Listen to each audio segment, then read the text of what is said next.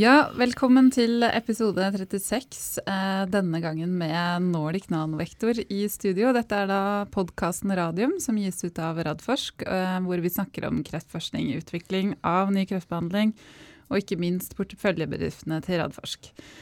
Um, det er vel det vi skal si på norsk i dag, Einarsson? Ja, det er det. Vi har Ja. jo slike fi, fi, fi- fine folk på besøk i dag, så Ja. vi får vel switche til engelsk. Vi English. switcher til engelsk. Welcome so much, Luigi Costa, CEO Nordic Nanovector, and Jostein Dale, CSO Nordic Nanovector. Thank you. Nice to have you back. Thank you. It's a pleasure. It's the second time here. It's a pleasure for us to have you here. We wanted to have you here before Christmas, but I think it's much better to have you here now, actually. So you can tell us even more on what's going on. Yeah. Mm. And then we can be more relaxed, right? So we don't have the uh, Christmas present uh, rush Yeah. anymore. So yeah. Good. Um, we always have this uh, what happened since uh, last time uh, we had our podcast. Yeah. Uh, last podcast was uh, Per Walday, CEO of PCI Biotech, and they actually had one um, notice from the stock Yeah. And that came uh, the day after we uh, published the last podcast, and it was uh, the extension of the collaboration with a top 10 uh, pharma company. Yeah. Uh, and it was another six months, and that means the co- collaboration still is going on, and we don't know how it will end, but uh, it's good that they're still working. And there was so many questions on that. So good to have it Yeah. resolved so soon. And we also have a lot of questions from listeners today, but we will come back to that. I'll be surprised otherwise. So um, maybe uh, you can both start uh, with saying a bit about uh, Nordic Na- Nanovector and where are we now, looking back and looking forward. So looking back, I think uh, since last time, or at least uh, yeah, since the last few months, uh, I think uh, there's been a tremendous progress. I can say that uh, we have uh, we continue on the very strong momentum we started already in 2016. Um, I haven't seen, and actually, we are very pleased to see that there's been no slowdown. So, Mm. um, first of all, maybe we can talk a little bit about the data. Mhm. So, um, the last uh, key event of 2016 was the presentation of the updated results on Betalutin on the 3701 study that we made uh, at ASH in December. So there, uh, we continue to be very pleased because uh, we continue to see a consistent, strong response of Betalutin in all dosages, um, and in terms of uh, duration, um, overall response, complete response, duration of response, and uh, safety profile. So good that we continue to be amongst the top product if we compare Betalutin to the product that have been approved or pre-approved, to be more precise, uh, or used uh, in the treatment of third-line follicular lymphoma. So that gives us a lot of uh, strong confidence that uh, the product will be a very valuable competitor, but also, and this is more important at this stage, that the product will at the end reach the market according to the timeline we have in mind. So that's the first thing. Um, that we, if we move into uh, the operational uh, side, I think again uh, we have uh, achieved uh, a lot, and we continue to uh, move on with the company towards our goal, which is, as I stated many times already, even at Capital Market Day, Mm. of taking Betalutin to the market as fast as we can. So in December, we started Paradigm, which is uh, the phase 2b study, pivotal study. Uh, we started Archer 1 as uh, we planned. So this is the combination study between uh, with, with Betalutin together with uh, uh, rituximab, which is a kind of a follow-up or confirmation study on the preclinical uh, studies that we have uh, published before. Yeah. Um, This- on- Luigi, could you just uh, rem- remind me there uh, with with the combination study uh, versus uh, the LYMRIT and Paradigm study, because there you pre give pre-treatment with rituximab, uh, Yes. right? Yes. But but at, at this time, do you give it at the same time? You or did- how do you dose it in in it's a, it's a it's a Betalutin followed by rituximab. Okay, And- but the, the, the pre-treatment Yeah. we do it's a it's just one injection, and the objective of that is not to have uh, an efficacy, but uh, is uh, to clear the easy. Uh, and uh, easy accessible circulating B cells. Yeah. Okay, so that's a completely different uh, Yeah. uh, objective. So what we have in the combination study is actually combine the two treatments Yeah. to see whether what we have seen in the um, animal model, which is a very strong synergy between the two products, can also be in somehow uh, somewhat replicated in human.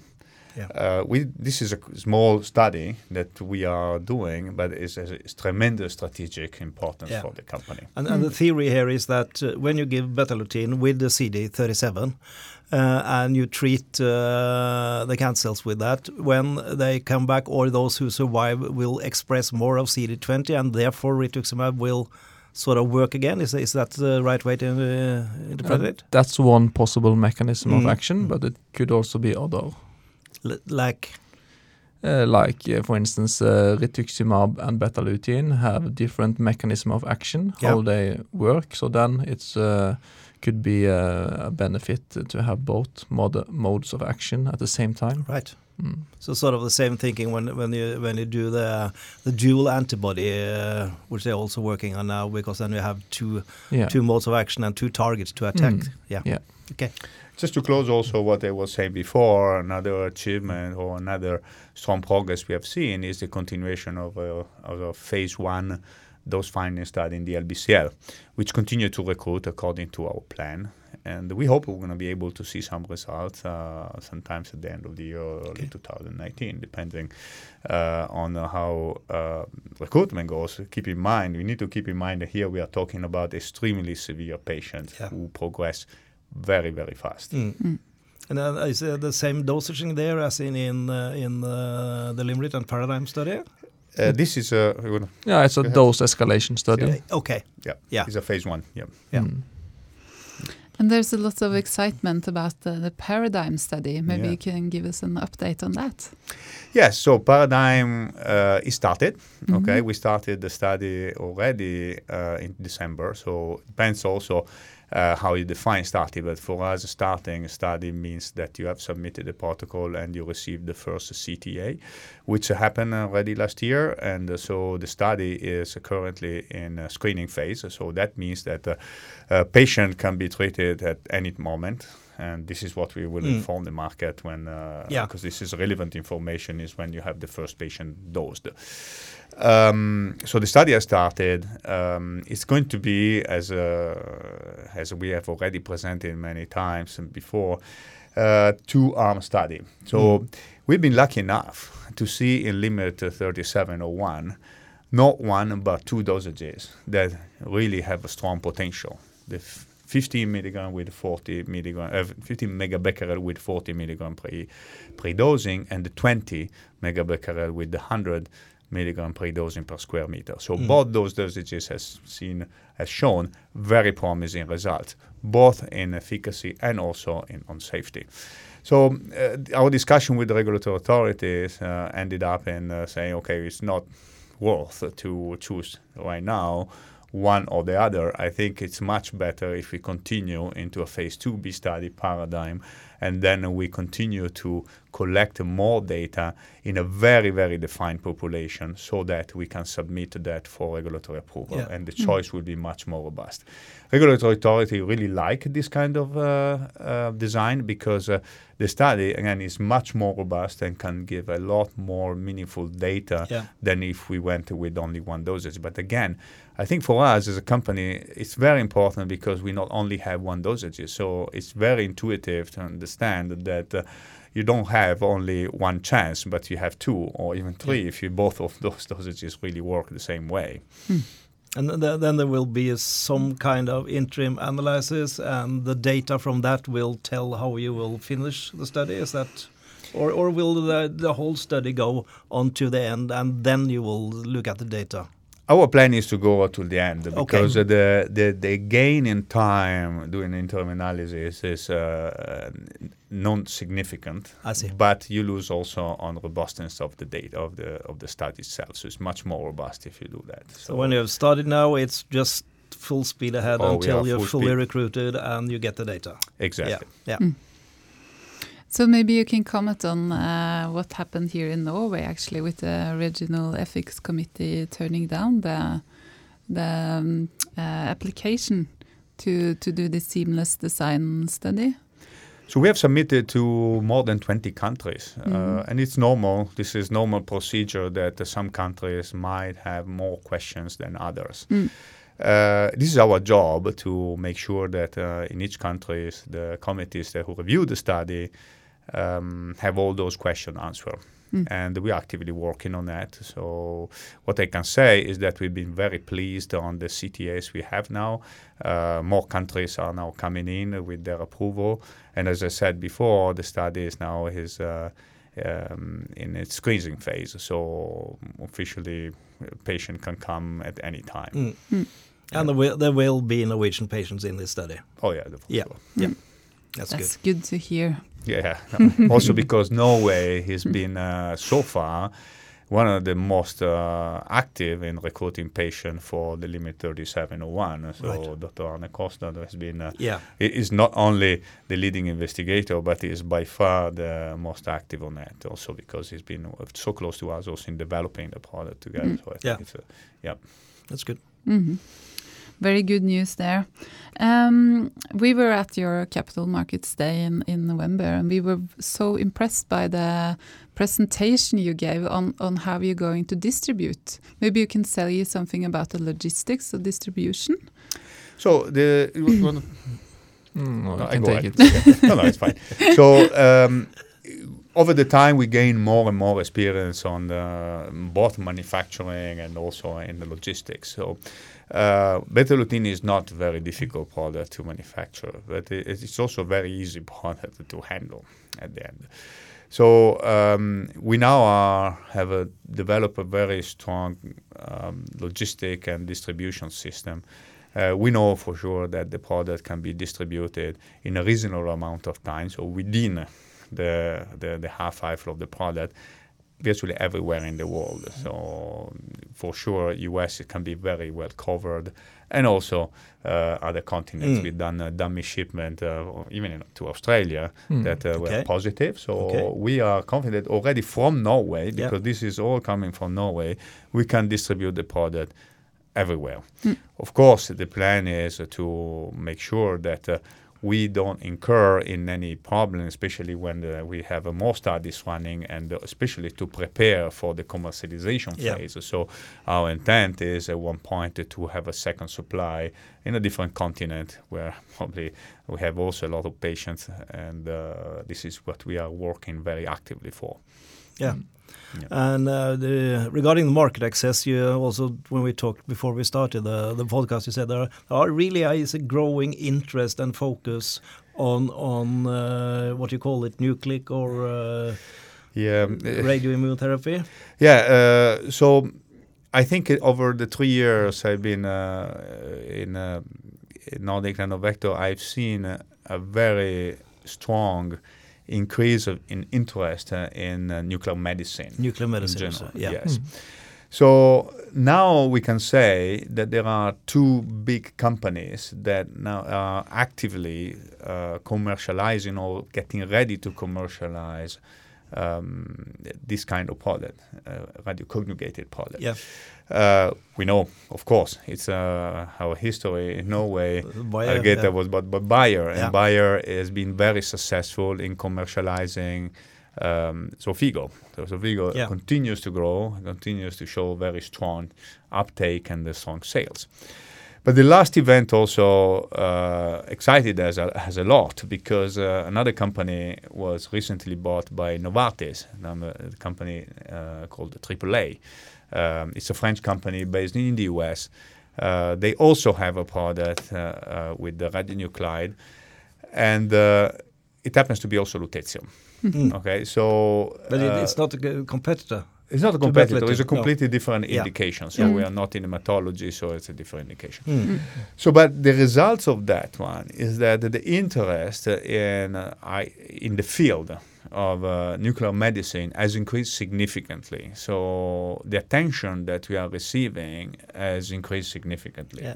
Do, do you also see that when you talk to the international investors that there's an increasing interest there too? Uh, yes, Yeah. especially on that. The number of requests of meetings from international investors after this event has significantly increased. Right. So we had a lot of uh, interest. So just Mm. for the uh, for information or less for anecdotically, I can say that we we met over 300 investors internationally on top of the Norwegian investors, and most of them in the US. So Mm. we had a, an acceleration also thanks to Novartis acquisition. yeah. Mm.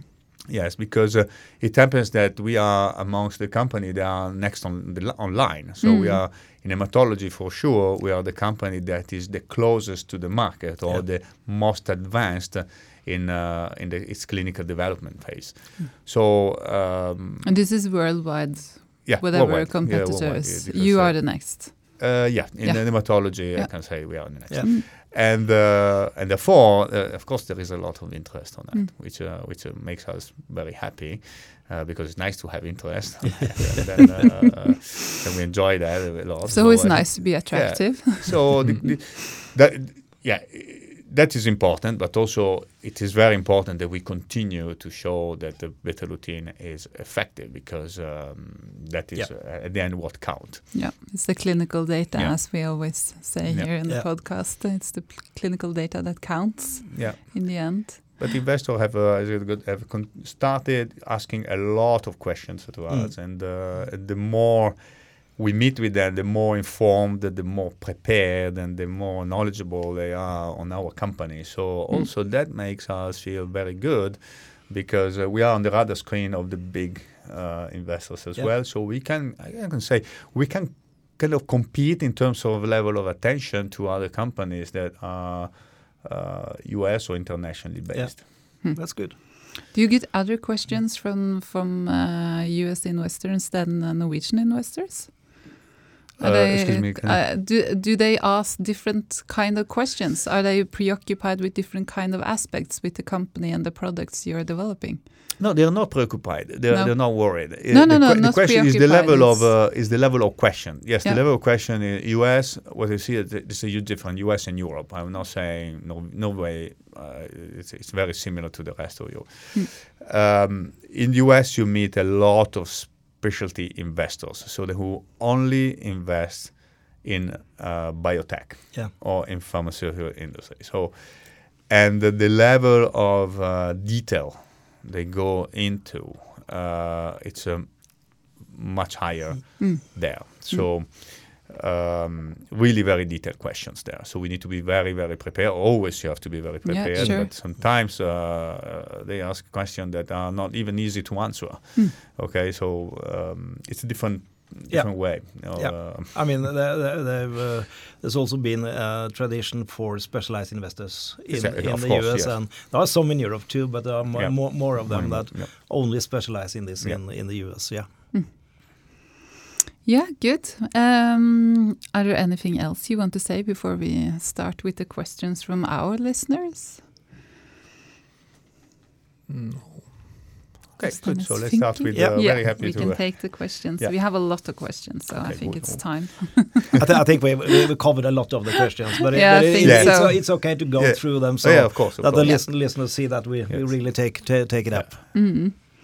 So the first one is on the regional ethics committee, which we already comment, uh, already Yeah. covered. Yeah. And then uh, it's a question: Will you send an abstract for updated LYMRIT 3701 results to I- AACR due in April? So, um, as we announced already in uh, in December, we completed the 3701. So we have enrolled uh, overall 72 patients. So uh, the last patient was enrolled in uh, in December. So we need to leave uh, enough time in order uh, to have the data. Our plan, though, is to prepare um, deep and comprehensive analysis uh, of all patients treated by dosage, by patient population, um, across the whole study, okay, across all 72 patients. And have a publication, and uh, we are also targeting an oral presentation, hopefully uh, at ASH 2018. So this is the plan we have. Is that Okay. this December again? December. December, yeah. yeah. But uh, at AACR, we hope to uh, present something about humalutin. Okay, Yeah. Uh, that's Mm. interesting. Yeah. That's, of course, preclinical data then. Yeah, Yeah. preclinical data. Yeah. Uh, can you explain the implications of seamless design and what this means for the paradigm study? Well, similar design is a continuation of the 3701 that becomes then a, um, uh, paradigm. So Yeah. it's a phase 2B. Um, it's a two-arm study, as I said before, that uh, is planned to enroll 65 patients each arm. The particularity of that one is the patient population needs to be extremely precise and defined. So we need to be uh, patient after patient very close to the patient, uh, uh, to the uh, enrollment criteria that we have uh, identified for um, paradigm. The reason for that is that the regulatory authority need to be able to have a mass of data large enough to be able to make a judgment and then uh, to give hopefully, Yeah. uh, an approval. So it's very important for us that we stick to that uh, enrollment criteria and that the patient population patient after patient is as similar as equal as, Yeah. uh, as uh, unchanged uh, as possible. So, So uh, there are two arms, and when you now uh, release that your first patient has been dosed, then there are 130 patients that is going to be recruited yeah, into after that one is 129. 129. Sorry, yeah. But so, but just so that's very clear. And, Yeah, and there are Yes. two arms with these two dosages, no control arm or No. anything else. So, so it's only these two Yes, arms. yes. So it's, it's, it will be a randomization between the two arms. One to one? Yeah. Yeah. No control arm is not needed in a phase 2B. Uh, there is no, ne- no need of a comparator because No. there are no officially approved product in the third line follicular lymphoma. So, may, or better, there is no standard of treatment yet on this. Mm-hmm. So we hope we're going to become that. Um, so I think this is uh, this is it. So as I mentioned also before, the study has been designed with uh, taking into consideration the suggestion, the recommendation of our regulatory authorities, Yes, of course, yes. which is very important. Yeah. Yeah. But seamless means that we don't need to stop the LYMRIT 3701 study. Yeah. We just continue with Yep. it with an amendment, and then we save uh, time and Yep. money. Yep. So, so th- that, that's to- the bec- because I, I was wondering if some of the patients from the LYMRIT study could be counted into the paradigm study, and, and Luigi told me before that, that that's a no. So it's it's 130 patients, but you don't have to wait for what do you say the the ASH results in December to start this up. Oh, yeah. That's No, no. the seamless. Yes. Yes. So we save time there. Yeah. And money. And and then- money, Yeah, yeah. Oh yes, absolutely. Time is money. Yeah. yes, exactly. And also time to the market, to the patients course. who needs needs this. Yes. Um, it's another uh, uh, question uh, regarding that. Will the Nordic Nanovector ditch uh, one dosage arm in Paradigm if interim data suggests one arm has a significant advantage? There won't be any interim, Luigi. Yeah, we said we won't have interim, so we, we will uh, Just to ditch maybe uh, at Yeah. Yeah. Yeah. Um, when does Nordic Nanovector anticipate sending an application for breakthrough therapy designation? We are working on that, Mm. uh, of course, and uh, we will uh, inform the market uh, in due time about the results of that. Yeah, but uh, as uh, we had that question with uh, with PCI uh, Biotech also, and Pierre uh, answered that we we never release when we send in something or we are in discussion with authorities. Yeah. We just release the results of of our work Yep. on the. This is the same the for same us. you. yeah, Yeah. exactly. Mm. So we, we and of course we are working uh, on Yeah. that, of course. And, and, and of course, you, Yeah. you send in these kind of applications, Yeah. and you get some uh, new questions back. All the and that, time, that yes. doesn't mean you won't get it. That means you have to do some more work, and you have to Yep. mm, communicate with the Yep. authorities. And it's only the final decision that counts. Yeah, it's very important to keep an open channel of communication with uh, regulatory authorities, and uh, we're very pleased about that. Okay, because uh, of course Lisa is very, and uh, also Houston, have been uh, very active with that, and um, I think if good data uh, raise, um, good results will come. So Yeah. I think, but uh, yeah, we, nobody can say anything at the moment, right? So we No. work on that, and then we'll let you know. Yeah, that's Yeah. good. That's actually a good bridge over to the next uh, question. Can you elaborate on Nordic Nanovector's information policy regarding stock exchange notices? So we work uh, all the time very close with the Oslo Stock Exchange, of Mm. course, because we want to be compliant on uh, what is with the requirement, and then uh, we verify uh, all the time what kind of information is uh, information that needs to be um, uh, d- d- d- communicated, so it's material, and what is not. Mm. Yeah. So You follow the rules and you communicate with Oslo Always Stock follow the rules, yes. So that's yeah. Uh, does Nordic Nanovector have options regarding use of biosimilars to rituximab in Archer 1 study? Mm, no, no, it will only be rituximab. Mm. Yeah, with the studies with the rituximab because it's the only part that you where you have a, a CD20 where you have a strong database that you can use for Archer One. Mm. Okay, so And next one, have you rec- received concrete partnership requests or inquiries from pharmacy companies regarding Archer 1? I don't think you can say that, as we, can I you? call it phishing. no, I can say we. it's, it's not me, it's the listeners. Yeah, I know, I know. I, no, uh, of course we have a lot of discussion with many companies. Yeah. But uh, no, this is only one of the topics that we talk to them Mhm. about. Um, partnership, as, as uh, we said many times, is for us an, a strategic option that we like to keep open, and uh, upon which we will uh, uh, act uh, opportunistically. Yeah. We have the company is well financed, and we have the capabilities and the means to complete our key studies uh, on our own. Mm. So for us, the longer we can hold and be independent and complete the studies on our own, and the more data, good data we have, the stronger will become our position when you have to negotiate for an eventual partnership Yeah. if you have to. And it's good it's more than one company interested in the Oh yeah, area. that's absolutely.